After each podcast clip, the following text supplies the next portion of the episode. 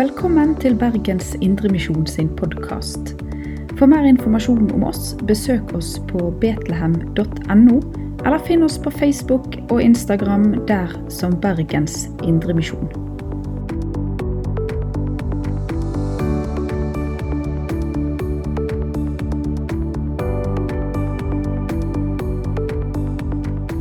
God og velsigna søndag til alle sammen. I dette koronaåret som vi fremdeles sliter med, har vi vært mye hjemme, og mange har rydda i kjeller og på loft. Og slik har det også vært hos oss. Jeg har bl.a. rydda i noen hundre manuskript denne vinteren. Det er oppbyggelige preiker det er politiske innlegg, og det er noen faglige NLA-innlegg. Jeg har hatt liggende utskrevne preiker helt tilbake til 1970. Og eh, det har vært spennende å bla gjennom dem. Mange av dem vil jeg kanskje ikke ha brukt i dag. Både livserfaring og innsikt i Skriften har jo kanskje endra seg litt på, på, de 50 årene som, som ligger imellom. Men jeg ser at det er ett tema som jeg stadig har vendt tilbake til. Um, og som jeg ikke riktig blir ferdig med.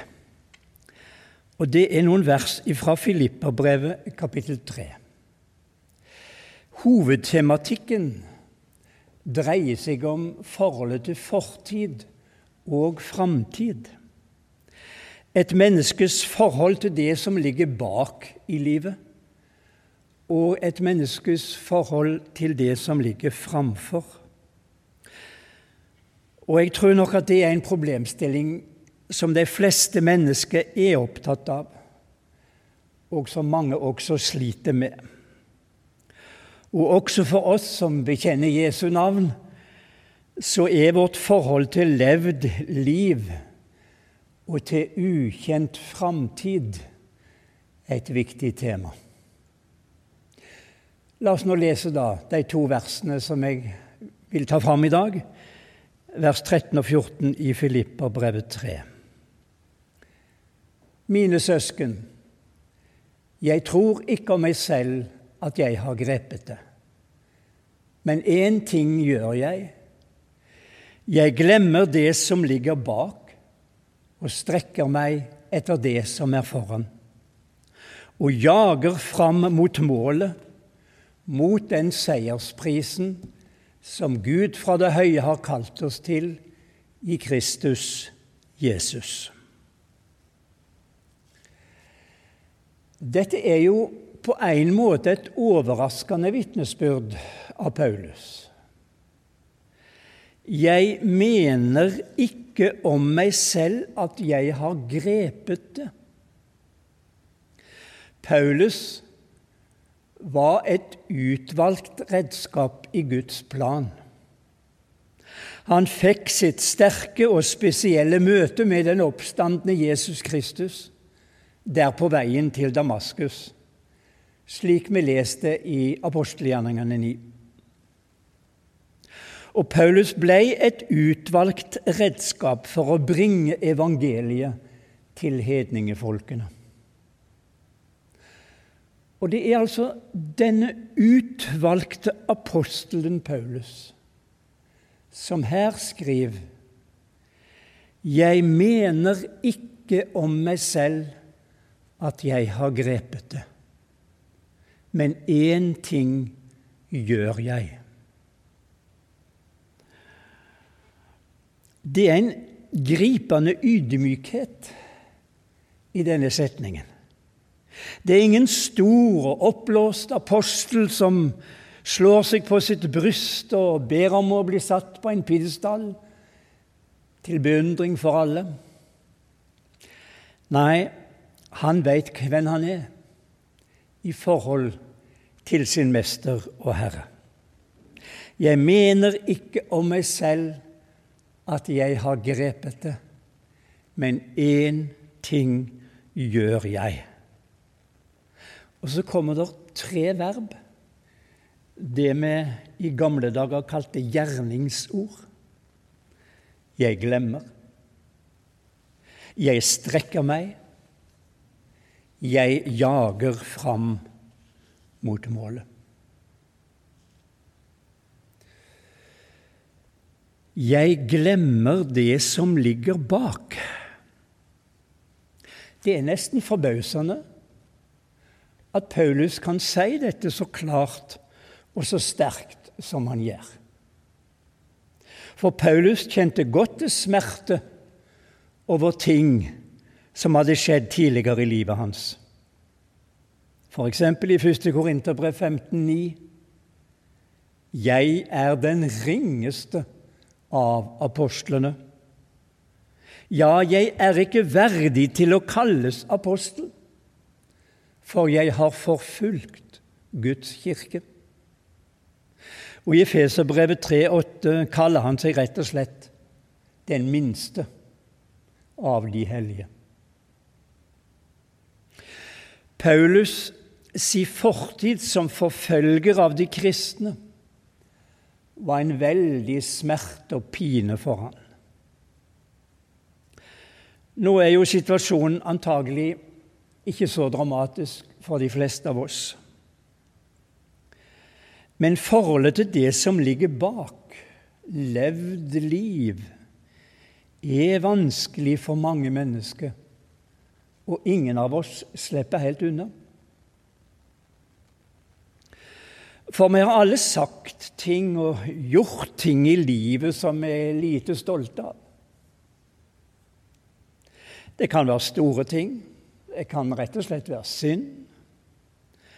Eller det kan være småting som jeg ikke riktig vet hva vi skal kalle. Og jeg har nok inntrykk av at det er noen følsomme mennesker som strever ganske mye med disse småtingene i livet uten å bli riktig ferdig med det. Det er viktig å få tatt et oppgjør med det som ligger bak, av vonde og vanskelige opplevelser. Og det hender, ikke så sjelden, at vi må ha en sjelesørgers hjelp til å få tatt dette oppgjøret på en slik måte at vi kan rette ryggen og gå frimodig videre. For da skjer jo det at et menneske blir fritt. Fri til å leve, som alt har hørt sunget litt om. Fri til å tjene. Og slik var det jo også for Paulus. For i vers 10 i 1. Korinterbrev 15 så skriver han også dette. Av Guds nåde er jeg det jeg er, og Hans nåde mot meg har ikke vært forgjeves. Men jeg har arbeidet mer enn de alle, det vil si ikke jeg, men Guds nåde som er med meg. Dette er et utrolig flott og balansert vers. Tenk at alle vi som har mer eller mindre tung bagasje med oss. Vi skal få legge det av hos Han som tilgir, Han som gir nytt livsmot, ny frimodighet og ny lyst til å tjene, slik det også ble for Paulus. Det er et velsigna budskap. Vi er tilbake i Filippa brevet 3. Paulus skriver og strekker meg etter det som er foran, og jager fram mot målet. Det er veldig, et veldig driv, en veldig kraft i dette vitnesbyrdet. Og vi kan jo spørre hvordan kan han være så sterk, så trygg, i møte med ei ukjent framtid. Jeg finner bare ei holdbar årsak til Paulus sin sterke frimodighet. Til hans avgjorthet i dette vitnesbyrdet.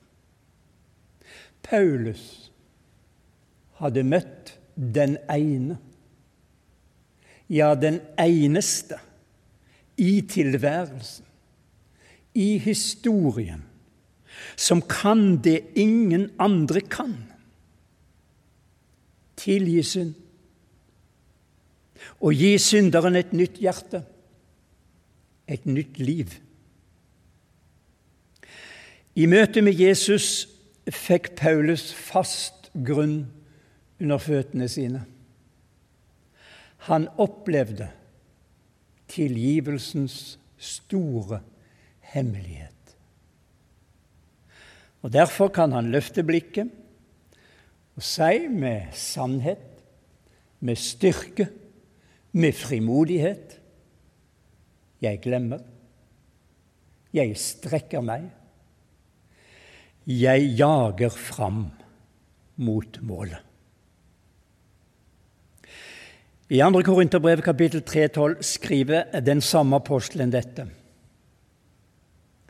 Da vi altså har et slikt håp, går vi fram med frimodighet. Og Det skulle også vi gjøre. Da vi har et slikt håp, går vi fram med frimodighet. Herre, takk for disse flotte og frimodige vitnesbyrdene av Paulus.